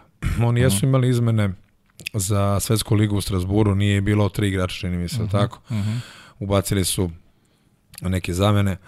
Uh, ja mislim da je teško držati taj ritam, pogotovo taj ritam njihov koji gaje tokom utakmice, koji je fizički veoma uh, dominantan, jako težak za igru, jako ga je teško i razbiti. Italijani su se mučili s tim tri po četvrtine na, uh -huh. u Budimpešti. Uh, Ne znam, e, jesu favoriti, imaju sigurno primat uh, jednog od glavnih favorita, ali vidjet ćemo koliko mogu da ispoštuju tu igru na evropskom prvenstvu. Nije lako držati ekipu spremnu tri meseca, nije ih lako držati ni na okupu tri meseca, kamoli toliko fizički aktivnu. Vidjet ćemo, kažem, e, mislim da će ovo evropsko prvenstvo biti i iznenađenje za neke reprezentacije, sad vidjet ćemo koja. Uh mhm. -huh. To je moje mišljenje. Dobro, neće da u neku prognozu. Dobro, dobro. Ja nemam šta da dodam što se tiče analize evropskog prvenstva, osim da ćemo uživati slušajući vas. Pa da, ajde, da, naravno. Ajde, možemo još, eto, eventualno da, da, da e, za kraj. Pomenut ćemo samo devojke, da, da koje da, takođe igraju to, to sam baš i hteo, u Splitu da. uh, i da samo završimo s ovom grupom C u kojoj su Španci, dakle, mm -hmm. Rumuni, Nemci i Holandjani su sa njima. Holandjanima smo već da. nekako i na, na početku. Uh, Mislim da će biti tih juniora verovatno u tom sastavu. Da, sigurno. Koji će lepo da se kali, imaju priliku da, da, da se lepo kale kroz ove utakmice. Rumuni, šta si rekla, Španci? Uh, Nemci i, i, i Nemci i Holandjani. da. Da, Nemci opet. Nemci Pa biće zanimljivo tu Rumunija, Holandija, da. uh, Nemačka. Nemačka. Da. Vidjet ćemo ko će biti poslednji, na primjer, u toj grupi. A to je, na primjer, interesantno ko će biti poslednji u toj grupi. da, da, bravo. Da. Interesantno, pa, da. da. E, mene sad zanima jedno pitanje iz mog ugla, pošto ja idem u taj split i na to Dobro. evropsko prvenstvo. Spaladijum uživo, kakve su utakmice, kako izgleda bazen? Ja, evo, ok, gled, gledao sam na društvenim mrežama kako izgleda bazen, to je stvarno impresivno, oni su pokušali, čini mi se da iskopiraju malo Beogradsku arenu, ali to je jako teško. Uh -huh. Nadam se, da se, optužbe. Nadam se da, da neće da se naljute naše komšije. Ono što je grehota je, mislim, treba bude na otvorenom bazenu. Uh -huh. Jeste. Igra se to pored, stalno potenciramo, pričamo igra o tome se pored mora, da. Igra se pored mora, ok, to je sad odluka organizatora, mi sad možemo pričamo o tome do, do da, sutra. Da, da. Ali ne znamo kakve prognoze. A, pa šta ako je? Ako pada ja kiša, ako pada forum, kiša 5 dana, stvarno, šta ako pada kiša 5 dana, čemu? Pa premestimo se na zatvoreni bazen, Tako hvala je, Bogu, ima ga i to je kao rezervu. A, dobro, da. Nema veze, ajde, evo, ja ću kažem svoje mišljenje, sad ti onda pogledaj samo kako je vreme, da. Ja. Ja mislim da je grehota, grehota što se ne igra na otvorenom bazenu, ili ipak je ambijent ceo takav da uh, Split na moru, treba da bude na otvorenom bazenu, imaju i oni otvorene bazene, nije da nemaju, ali eto, odlučili su da ga prave unutra, što je totalno drugačija atmosfera u odnosu na vreme, godišnje doba i tako dalje. Kod nas je to bila zima pa je bilo unutra i bilo je impresivno, ali očigledno oni imaju te neke stvari koje hoće da prepišu od nas, ne bili bili bolji, tako da ja im želim sreću tamo što se tiče organizacije, ali mislim da je Beograd neponovljiv i atmosfera iz Beograda. Eto. Pa dobro, da, mislim, znaš kako, septembar, ok, sve je stvar, ako sve pogledaš, stvar ako pogledaš, ako pogledaš Zagreb, on se Zagreb se isto igrao igrao krajem avgusta. Isto je bio na otvorenom bazenu. Isto je, bio otvoren, to se sećam. Isto da. je bilo loše vreme, bilo je hladno, ali opet su bile pune tribine. Da, ba ne, nema, su, nema sumnje da će biti pune tribine. To, e, to je sad opet pitanje, drugi pogled. Uh, pogled na, ka, ka tribinama. Verujem da, da mogu opet, da u Splitu mogu da budu tribine toliko pune kad bude igrala Hrvatska kao što je to bio slučaj u... Jer isto kultura neke, da kažem, i praćenje ljubavi prema vaterpolu apsolutno postoji. I, i sigurno sam da, da će... zaboravite da u Beogradu su bili Mađari mnogobrojni, da su bili Crnogorci e, mnogobrojni, da su bili, jest, da je Srbija bila jako mnogobrojna. Sad vidjet ćemo šta će da se desi sa Splitom. Da, vidjet ćemo. Dobro, ajde. dajmo im šansu da naprave jedan Da, tako, da. ne, nezaboravan turnir u tom Da. pogledu. Da, dobro. Hvala ti za ovaj mali uvod. Kao pisat ću ti ako, se- ako nešto ne bude ovako kako si rekao. Da. Da, ovaj, uh, hoćemo na devojke da, da se Hoćemo, pozabavimo i hoćemo, njihovim naravno, grupama. Naravno, naravno. Uh, Nemačka, Hrvatska, Mađarska, Grčka, Holandija i Rumunija u grupi A. Ajde prvo tom grupom pa ćemo onda da završimo sa, sa ovom našom. Koliko znamo o ženskim selekcijama? Eto. Pa dobro, Najboljim mislim Evropi. da se istakne Mađarice i Grkinje. Sigurno, Mhm. Mađarice koje su stvarno napravile e, dob, dobru utakmicu protiv Amerikanke u finalu svetskog prvenstva u Budimpešti.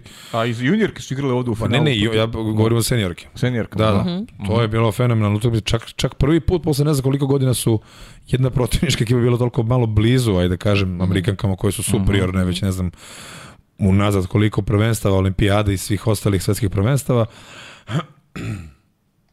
Ali vidjet ćemo, uh, treba tražiti tu između Španije i, i, i, i, i Grčke i Mađarske. To su tri Mađarske, ekipe, ja. da. To su te tri ekipe koje, koje treba očekivati zato što. Španija je Misliš, misliš da Italija ne može da. tu da poremeti taj... Pa, Italija u istoj toj grupi. Pa Izrael. iste, ali okej. Italijanke su dobre, ali Meni je krivo, na primjer, što Izrael je preteko nas kao žensku reprezentaciju. Mm -hmm. Jer kada smo se mi pojavili na, na, mater, na vat- vaterpolo mapi, bili smo daleko ispred Izraela, sada smo nažalost iza Izraela. Šta se desilo, ne znam, ali evo, to mi je možda krivo. E, devojke se uveliko pripremaju i ja bih im poželeo ovo, ovom prilikom sreću na tom evropskom prvenstvu i da ove godine odu sigurno maj bar dva, tri koraka dalje u odnosu na, na Budimpeštu. A šta misliš da je, da je, da je neki realan domet? Šta znači to dva, tri koraka? Šta je neki realan domet? uh, Ov, Pa između 8 i 12. između 8 i 12, pa da. A da, Neku četvr finale recimo Tako bi je. bilo, bi bilo fantastično. tako je.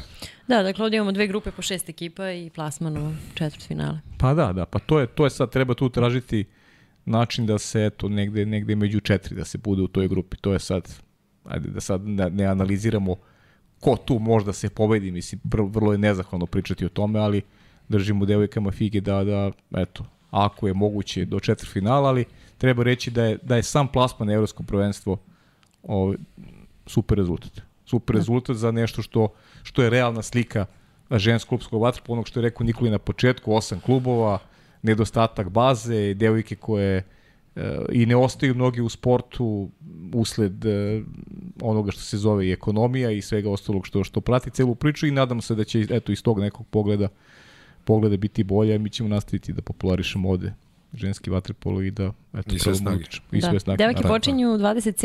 augusta u 11.30 protiv Španije. Prva utakmica nije im ni malo lako, ali Nije neka- sigurno, da. Nije. Da, Nije sigurno. ali neka Pa probiju. možda, možda nije ni loše za početak da to bude. Da se prebrodi to, jel? Pa da se prebroji ta Španija i da, da ovaj, možda ne bude baš prva utakmica neka koja ima, ima Mhm. važniji taj takmičarski značaj, nego, nego da se to Španija izgura pa da onda da mi dalje, makar ja vidim tako sad, ne znam, da se slaže kolega.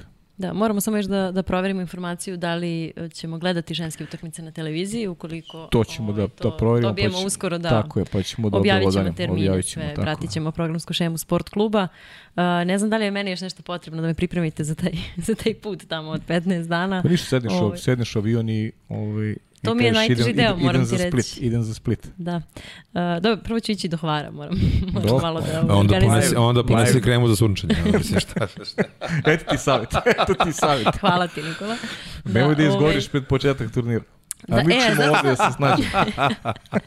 Znate šta, ovaj, treba, mi, treba mi pomoć, možemo da uklju- uključimo slobodno i naše gledalce ovaj, u to. Uh, naziv rubrike na sajtu pratit ćemo, znači mož, moće uh, ovaj, ljudi koje zanima A, vaterpolo i sve a? ono oko, oko vaterpola i velikog događaja, da, bit će blo- blogova na sajtu sportklub.com.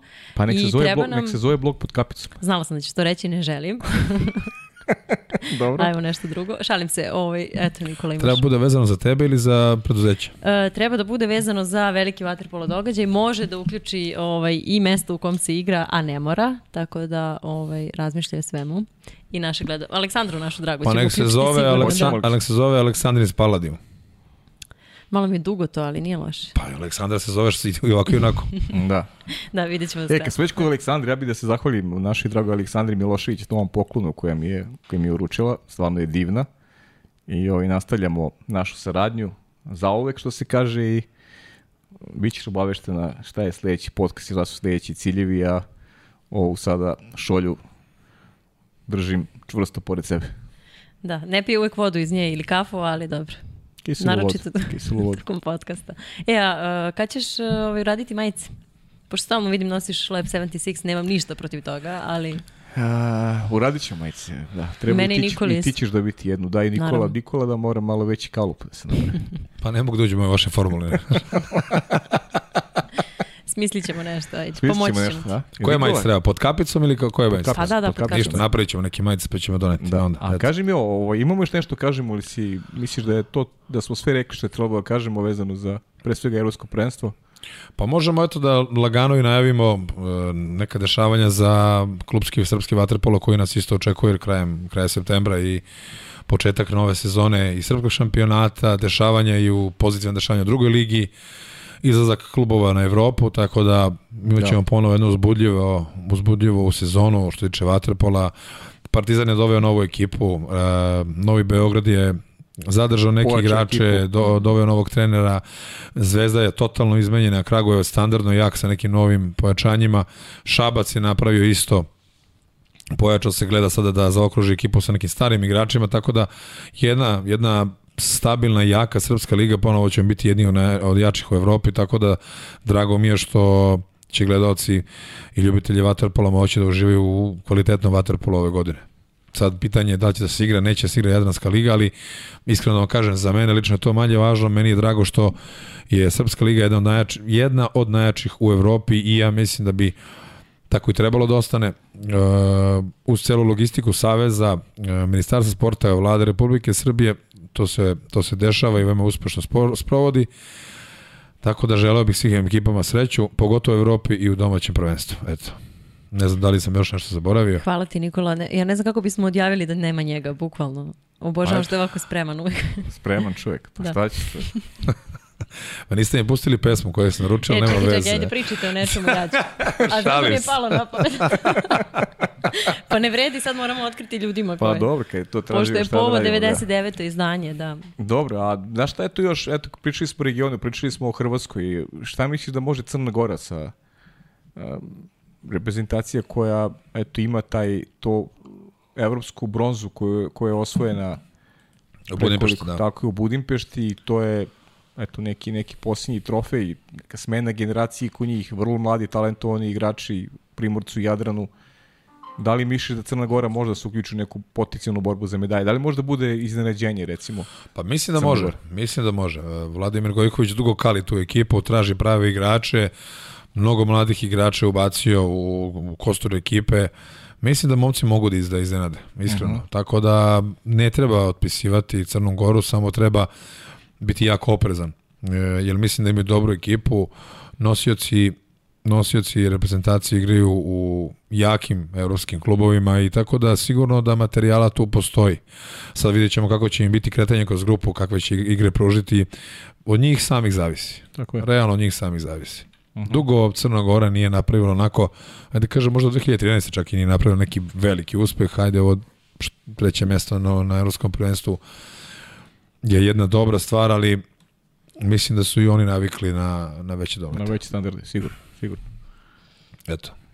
Da. Mi smo analizirali sve u svoju veliku pomoć. Hoćeš nešto da nam pustiš za kraj ili šta? Da, ovo je bila moja ideja inače za ovu, za ovu emisiju. Jeste, inače mi. Pavle još pauzirao. Moram da se pohvalim time, a meni je mnogo značilo da me pripremite za, za odlazak na evropsko Jeste tvoja ideja i hvala ti nadam se da ćeš ovaj češće biti tu na toj poziciji. E, pa da, vidjet ćemo ovaj, koliko ću zavoleti vaterpolo još na ovom evropskom Opa, prvenstvu, pa kad se mhm. vratim možemo da pričamo. Dobro. Šalim se, ovaj, samo da najavimo još nešto, znači ovog leta stvarno, što se i vaterpola tiče, stvarno jeste bogat program, ali još nešto, uh, velika takmičenja u odbojci i košarci ovog leta, boga mi malo nakon leta, na sport klubu takođe, tako da mi imamo pune ruke posla. Jeste, Nekako, jeste. kažu, sportski novinari odmaraju tokom leta, čekaju da počne nova sezona, međutim nama, evo, ovdje Ja i kolega odmaramo, završili. evo nas, družimo Evo, se, da. boga mi. Da. Ti kad odbor? bi to sa, sabrali na, mesec, na godišnji novo, mi se svaki mesec dana viđemo. Tako I je. pričamo je. ljudima nešto. Tako, Tako je. je.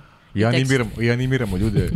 Kad je vaterpolo u pitanju, kad je sport u pitanju, u Nikolinom slučaju, odbojka će biti super e, događaj. Tako je. Ćerkice I će da prate. i muško Tako žensko da. i žensko i muško će biti na kanalima sport kluba, žensko malo kasnije, a ovo se sad poklapa sve, odbojka, košaka. Da, Eurobasket počinje Vaterpolo. 1. septembra. A da, odbojka sad drugog. počinje u petak, sutra, dakle, to je to. Da. E, ništa, to je to. Hoćemo pesmu. Ajde, pusti Nikoli. Jel imate, e, sad ne znam dok je stigla kao ganjam refren, ali... Ma nisi. To se Pojačao. traži. A to je emisija 99. Tako je. Jel čuješ? Mislim da je ovo Jesi maks. tog teo? Tako je. Deve- U čas 99. 9. epizode, 99, da. 99. I epizode, Džeja, tako je. I pesmu Džeja, Eto, Pavle, to si 99 žena da me doživeo. vole, tako da. je. 99 žena da me vole. Ništa, ovo je, šta je ovo? Ovo je jedna Odjeva- privilegija. privilegija, ovo je šta, odjeva do stote, a? Pa da. Ne znamo kada će će- biti stota tačno. A ne znam, ne e, znam šta će biti pre svega. Da. U svakom slučaju, šta god da ja. bude stota emisija, e, da najavimo da ćemo imati mnogo ekskluzivnog materijala iz Splita. Biće ekskluzivni materijal iz Splita, zahvaljujući tebi, naravno, ja sam, ovaj, neka moja ideja je bila, ja sam počeo ove podcaste ovaj, sa Andrijom Prlinovićem, Andrija je bila neka ideja da on zaokruži ovaj ciklus, međutim, Andrija je morao da da ide ovaj put, put Francuske, Da. tako da A ko je drugi bio? Ne mogu se da setim više, ali Pa onda. da, da, vidjet ćemo, nešto ćemo da, nešto ćemo da smislimo, Aleksandra i ja, ovaj, Da. I naša draga Sara, naravno. Sara koja je, da, Da. odgovorim eto ljudima, pisali su Sara ima, posao je takav da mora ponekad do petka da radi bukvalno manje više ceo dan, tako da se trenutno teško uklapa, ali eto od nje zavisi kada će se vratiti. Uzbiljali smo priču, a muzika baš i nije. Ne, ne, ovo je skroz okej. O, pa da. Dajemo značaj ritam. 99. Da. Uh, emisiji pod kapicama. Tako, Tako? je, tako je, tako je. tako je. Ništa, mislim da smo sve rekli. To je to. Da, da, da ne davimo više ljude, da idemo da slušamo muziku i Ajde, ajde. da nastavimo da... Idite i vi dok ne počne se evropsko prvenstvo u Splitu, slušajte muziku, a mi se onda uh, gledamo i slušamo na kanalima Sport kluba. Dođe prijatno. Ćao, hvala. Ćao.